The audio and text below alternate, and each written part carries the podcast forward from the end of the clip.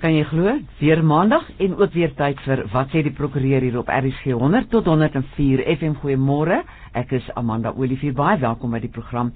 Indien jy verlede week geluister het, sou jy gehoor het dat ons gas weer vandag professor François Venter is en hy is van die Noordwes Universiteit die Potchefstroom kampus en Ignas Kleinsmid is ook hier van van Selden Duffy ingelyf in Rissenburg en Ignas het ook verlede week beloof dat ons vandag spesifiek gaan kyk na skole sake wat voor die konstitusionele hof beland het.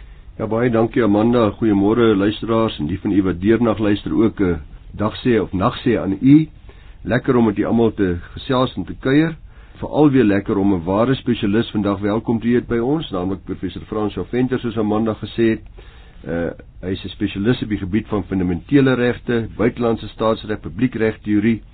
En uh, ek weet Frans het ook heelwat tyd uh, in Duitsland deurgebring en hy kan nogal redelik uh, vaardig met die Duitse taal waar hy navorsing gedoen het op sy vakgebied en belangrike ding is hy sedert 2001 reeds dekaan van die fakulteit regte op die Pik kampus van die Noordwes Universiteit. Terloops Frans het die fakulteit het al baie sleutelspelers in die reg gelewer maar veral ook mense wat behulpsaam was met die totstandkoming van ons grondwet, is dit nie? Ja, inderdaad, ons uh, is baie trots op die feit dat uh, sê ek so 'n bietjie met my tong en my kies dat tot dusver is uh, meneer Ewie de Klerk die enigste Nobelpryswenner wat die fakulteit opgelewer het. Is daar verwagtinge dat jy of iemand anders dalk die tweede ene gaan wees? ons werk nog daar.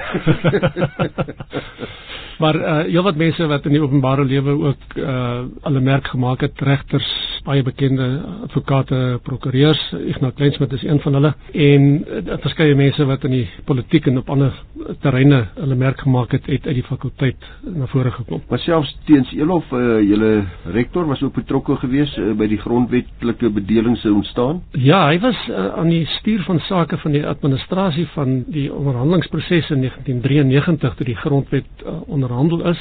Hy het by ons uh, eerste graad gedoen en toe het hy die spoor byste geraak in teologie gaan swat. Ja. ja.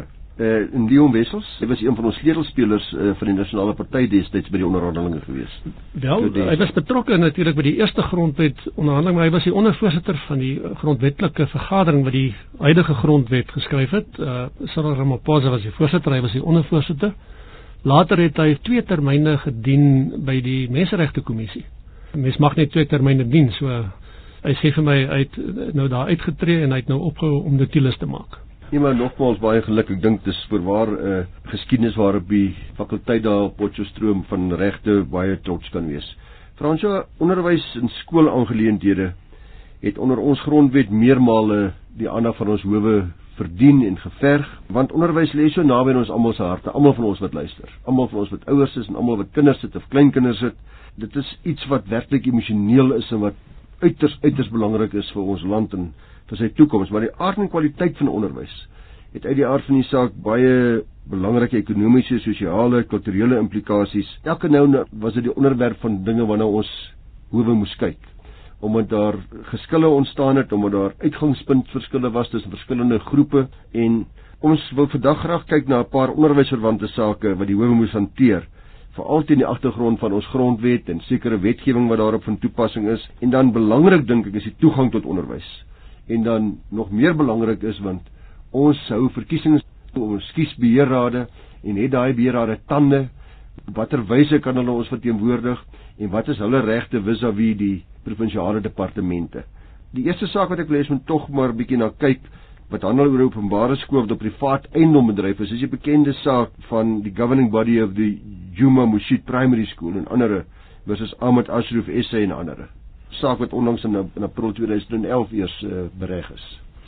Ja, dit is uh, merkwaardig hoe dat kwessies rondom skole en onderwys van meet af aan met die nuwe grondwetlike bedeling die aandag van die howe geverg het. Baie vroeg al is daar 'n uh, kwessie gewees voor die konstitusionele hof oor 'n provinsiale wet oor uh, onderwysaangeleenthede hier in Gauteng. Maar hierdie spesifieke saak het gehandel oor die vraag of waar 'n uh, openbare skool 'n uh, bedryf is op 'n terrein wat aan 'n private eienaar was in hierdie geval 'n trust gewees of die eienaar met min gevolge die skool van die eiendom kon afsit. So die regte van sy hom as eienaar se eiendomsreg teenoor die reg van kinders om toegang te hê tot onderwys. Ja. Want dit lyk regtig soms vir my of hierdie konstitusionele hof van ons daarom amper slimmer as Salomo moet wees. Ja, dit moet om uh, om met verskille van hierdie aard te deel en te besleg, nê. Nee. Baie beslis. Die trust het het 'n bevel gekry by die Hooggeregshof dat die skool van 'n sekere datum af die uh, terrein moes ontruim. Nou toe dit by die konstitusionele hof beland, het uh, die hof die party se betoog uh, aangehoor en is die Hooggeregshof bevel voorlopig tersyde gestel op grond daarvan dat die kinders se grondwetlike reg op basiese onderwys uh, en hulle beste belang aangetast sou word as as die skool eenvoudig net van die terrein af moes verwyder word. So die Hooggeregshof sê nee, julle moet verwyder word, die hof sê nee, julle moet bly. Voorlopig. Voorlopig. En, en toe die hof beslis en, en hierdie is 'n interessante nuwigheid eintlik in ons reg die afgelope dekade of so dat die hof materiaal stref om te kyk of die geskil nie tog op 'n manier besleg kan word sonder dat 'n nou harde en 'n klinkklare uitspraak gegee word.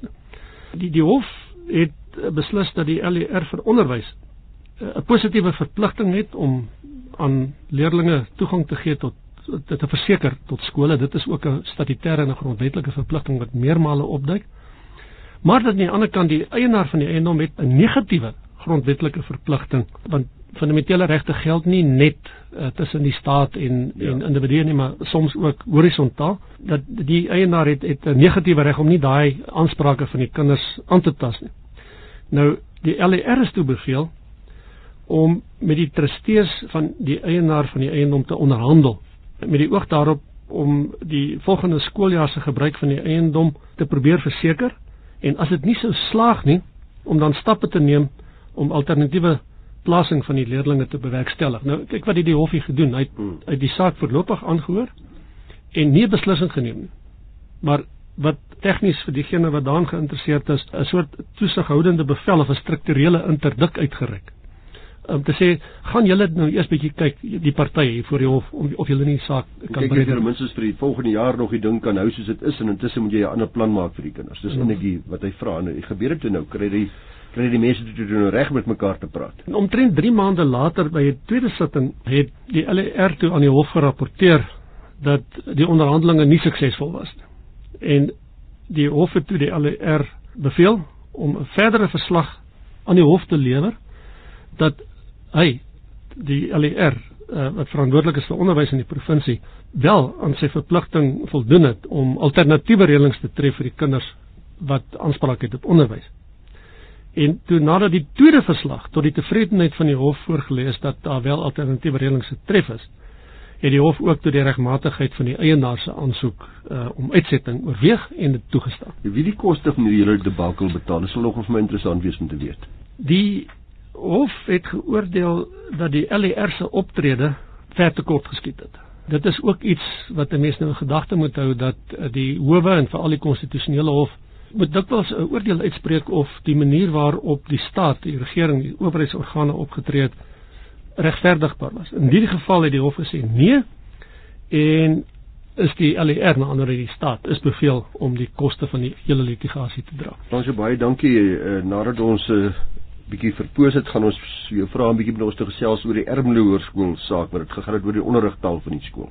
Indien jy so pas by RC aangesluit het, is jy net betyds vir die tweede gedeelte van wat sê die prokureur en Ignas Kleinsmid en uh, professor François Venter gesels dan oor skole sake wat tot by die konstitusionele hof gevorder het en nou fokus ons op uh, die skole saak van Ermelo maar meer hieroor van ons kundiges Ignas en François Venter. François die saak se naam is the head of department for Mpumalanga Department of Education en ander versus Hoërskool Ermelo en others 14 Oktober 2009 deur die konstitusionele hof. Baie mense praat ook van 'n grondwet hof of 'n grondwetlike hof. Wat is die regte benaming?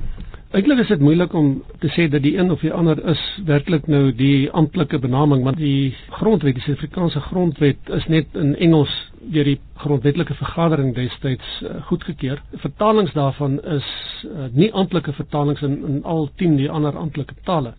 In die Afrikaanse nie amptelike vertaling word wel verwys na die konstitusionele hof. En ek dink internasionaal is dit eintlik maar die beste benaming wat mens vir so 'n hof sou kon gee. Die Hoërskool Ermelo saak het werklik destyds baie emosies ontlont. Die media het gegons, dit het 'n lang ruk het dit uh, verskillende groepe dink ek laat vergader met mekaar en met mekaar laat in konflik kom. Vertel ons 'n bietjie meer oor die saak. Wat het hier gebeur? In gevolge die grondwet uh, het elkeen die reg om basiese onderwys in die taal van mense keuse te ontvang. Aan die ander kant het die land uh, en gevolglik die regering wat die land moet regeer te doen met 'n uh, werklik moeilike onderwyssituasie uh, waar daar geweldige aandrang is vir die uitbreiding van onderwysgeleenthede. 'n Groot aantal skole is wat onder standaard is en daar veral uit die geleedere van die swart bevolking in Suid-Afrika nogal daar aangedring word dat daar toegang moet wees tot onderwys in Engels. En in die welbekende saak het dit nou gegaan daaroor dat die provinsiale departement het daarop aangedring dat die skool moet 'n aantal leerders toelaat om in die skool in Engels onderrig te ontvang. En die skool se beheerraad het gesê dat deel van die bevoegdhede van die beheerraad, eintlik die beheerliggaam van die skool, is om die taalbeleid te bepaal. Ja, so weer ja, daai geval van die ou storie van die skoolbeheerraad wat sê ek mag in die provinsiale owerheid wat sê jy mag nie. Nou wat meermale ook in sulke gevalle gebeur het, daar's ander sake ook is dat daar ontstaan nou risie letterlik tussen die departementshoof, die onderwysdepartementshoof van die provinsie en die skool se hoof uh en die beheerliggaam van die skool en dan raak dinge onsmaaklik. Ja. In hierdie geval het die uh, beheerliggaam eenvoudig en die hoof in, in opdrag van die beheerliggaam eintlik net geweier totdat dit nou uh, 'n uh, saak was wat op die ouend in die howe moes besleg geword het. Die saak was voor die provinsiale hooggeregshof gewees. Die vraag of dit in orde is dat uh die departementshoof die provinsiale owerheid opdragte kan gee aan die skool se beheerraad oor hoe toelating en taalbeleid en so meer bepaal word. In hierdie geval het in die proses van die risie het die departementshoof van die provinsie uh, eenvoudig op 'n stadium gesê hy ontbind die skool se beheerliggaam hmm. en hy vervang hierdie beheerliggaam uh, met 'n ander liggaam bestaande hoofsaaklik uit skoolhoofde uit die omgewing wat dan plotseling die skool se taalbeleid gewysig het. En die vraag was of dit regmatig was of nie. Die provinsiale hooggeregshof het die skool gelyk gegee. Toe sag geappeleer na die hooggeregshof van appel. En daar's toe beslis dat die nasionale skool die die die skolewet wat hier ook hmm, natuurlik toepassing is dat dit nie die departementshoof gemagtig het om die beheerliggaam se se se funksie eenvoudig terug te trek en aan 'n tussentydse komitee toe te ken om te besluit wat daar gedoen moet word nie en dat die departementshoof en die nasionale minister van onderwys verkeerd opgetree het en die het toe nou geappeleer op die oomblik na die konstitusionele hof toe. Daar het die departementshoof geargumenteer dat sy optrede in die lig van die tekort aan klasruimtes vir onderrig in Engels 'n redelike optrede was.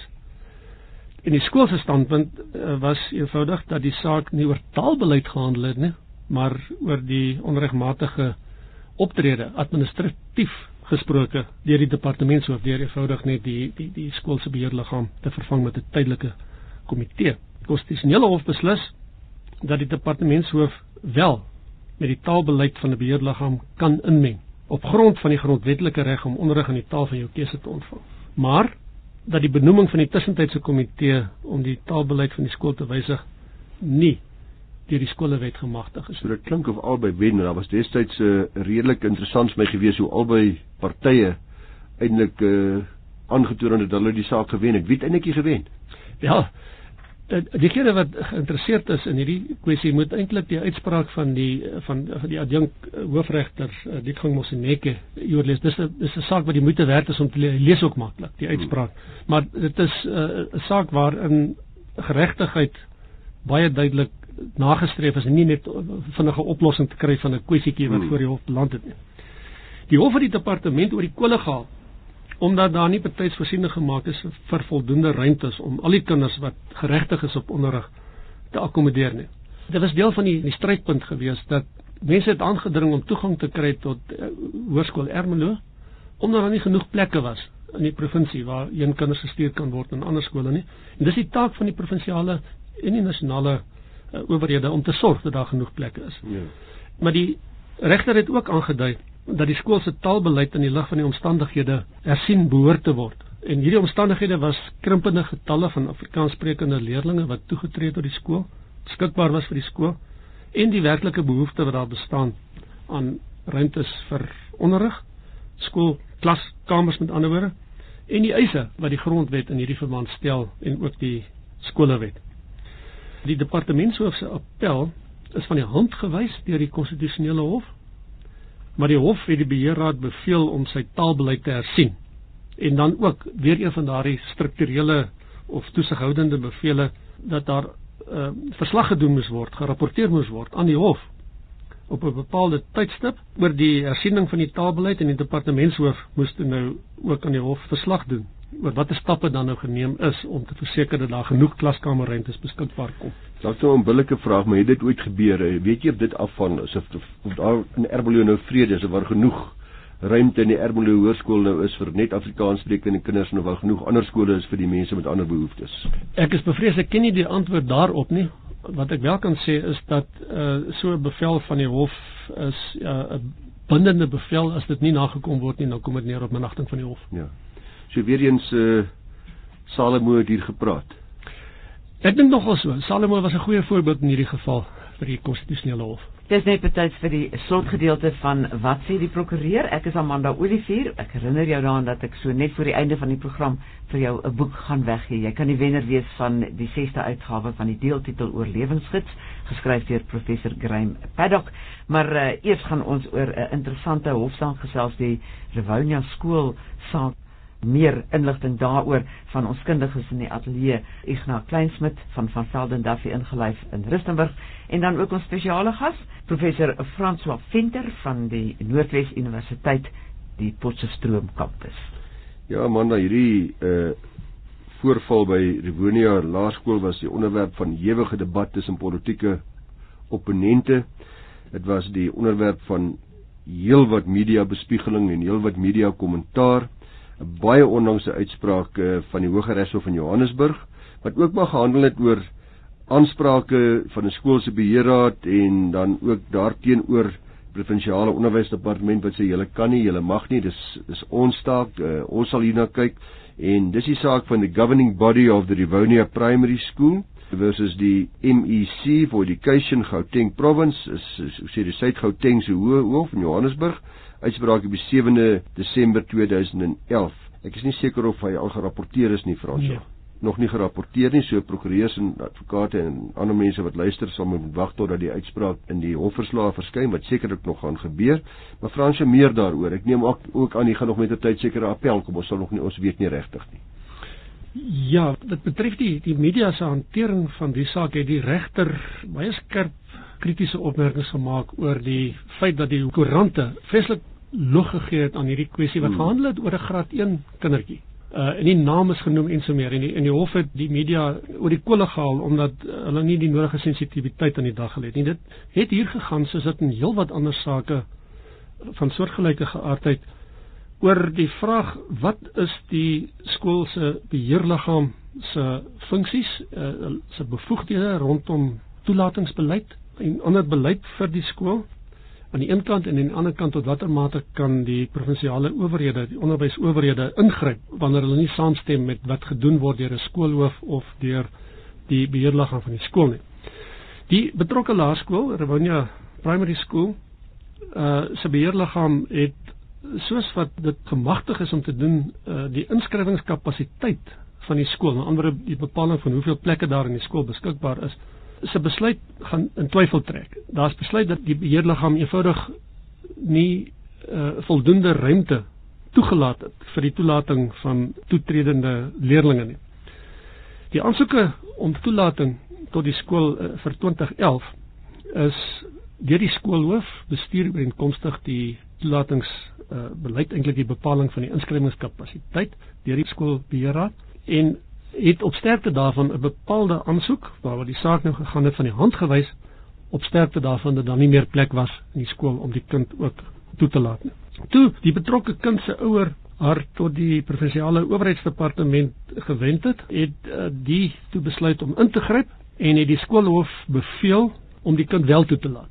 'n week later dag die ouer toe met die kind op en die skole het eers gesê gaan eers huis laat ons eers die kwessie uitsorteer met die departement, maar 'n week later dag moeder en kind en 'n uh, amptenaar van die provinsie ook daar by die skool op en die amptenaar deel toe die skoolhoof mee dat haar bevoegdheid om oor die toelating van kinders te besluit toelating al dan nie gekanselleer word en dat die bevoegdheid toe opgedra is aan 'n uh, amptenaar gedelegeer is en die amptenaar het net daar en dan terstond besluit dat die kind toegelaat word en die kind in die hand gevat na die eerste die beste graad 1 klas toe gevat waar daar 'n leerskoolbank was.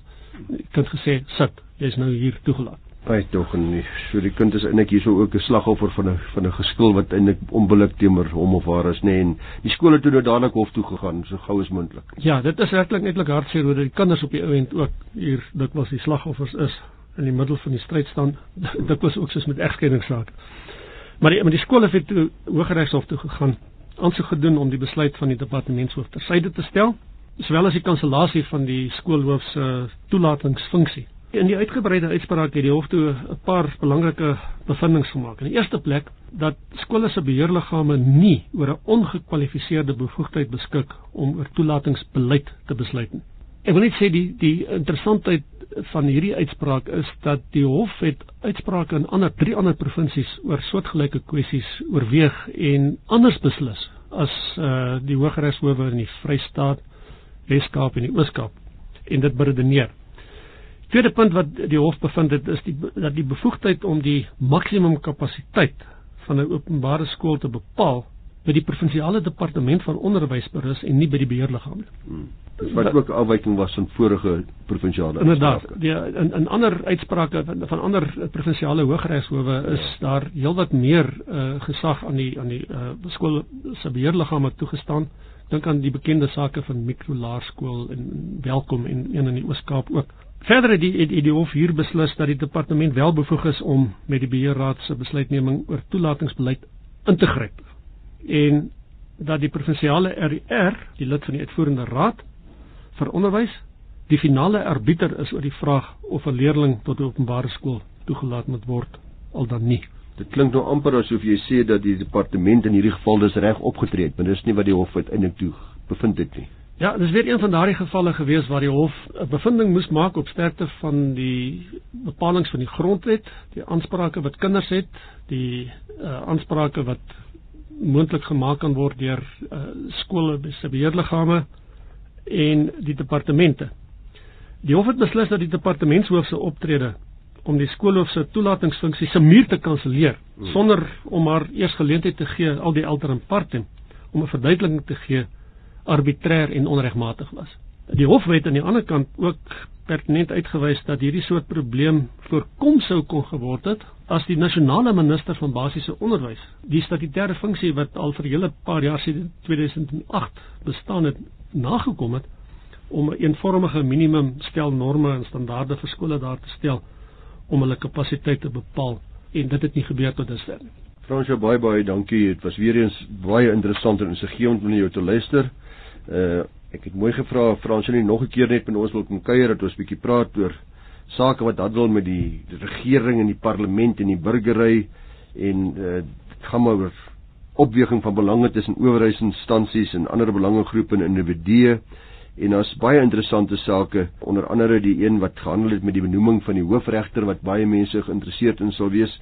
So skakel gerus weer in oor 'n week of twee gaan Frans weer by ons kom kuier. Maar baie dankie voorlopig. Ons sê dankie aan professor Frans Venter, dekaan fakulteit regte aan die Noordwes Universiteit Potchefstroom kampus. En nou het ek mos beloof ek gaan weer vir jou 'n boek weggee want nou ons het hier en wat sê die prokureur al dikwels gesels oor deeltitel eiendom en die probleme wat daarmee gepaard gaan. En vir die volgende 4 wat sê die prokureur programme vandag ingesluit gee ons 'n eksemplaar van die deeltitel guru professor Graham Paddock se handleiding weg. Die naam daarvan is Deeltitel Oorlewingsgids en dis 'n omvattende, maklike gids om jou te help om deeltitel eienaarskap en deeltitel reëls en regulasies te verstaan. En dit kan jou ook baie help wanneer jy met deeltitel probleme te doen kry. Professor Paddock adviseer ook die regering oor deeltitel sake en hierdie is die 6ste uitgawe van die boek Deeltitel oor lewensgids. Al wat jy moet doen is jy moet die vraag korrek beantwoord. Jy bel die ateljee in Kaapstad. Die nommer daar is 089 210 1004. Die vraag wat ek gaan vra is die hoeveelste uitgawe is die boek wat ons weggee. Die hoeveelste uitgawe is die boek deeltitel oorlewingsgids wat ons vandag weggee. Bel Kaapstad Ateljee nou by 089 210 1004 en dan is hy hierdie boek ryker. Baie geluk by voorbaat. Ek is Amanda Olivier wat groet. My e-posadres is amanda@rc.co.za en Ignas Kleinsmid se adres is igna@ffd.co.za. Ignas groetnis aan jou ook. Ja, baie dankie en groet nou aan almal. En daarmee groet ons dan. Onthou Vrydagoggend om 1uur word die program in deernag herhaal en jy kan ook na www.rc.co.za toe gaan, klik op uh, potgooi, volg die aanduidings of die instruksies en dan kan jy ook luister na wat sê die prokureur via die internet. daarmee dan groetnis van my Amanda Olivier tot volgende week.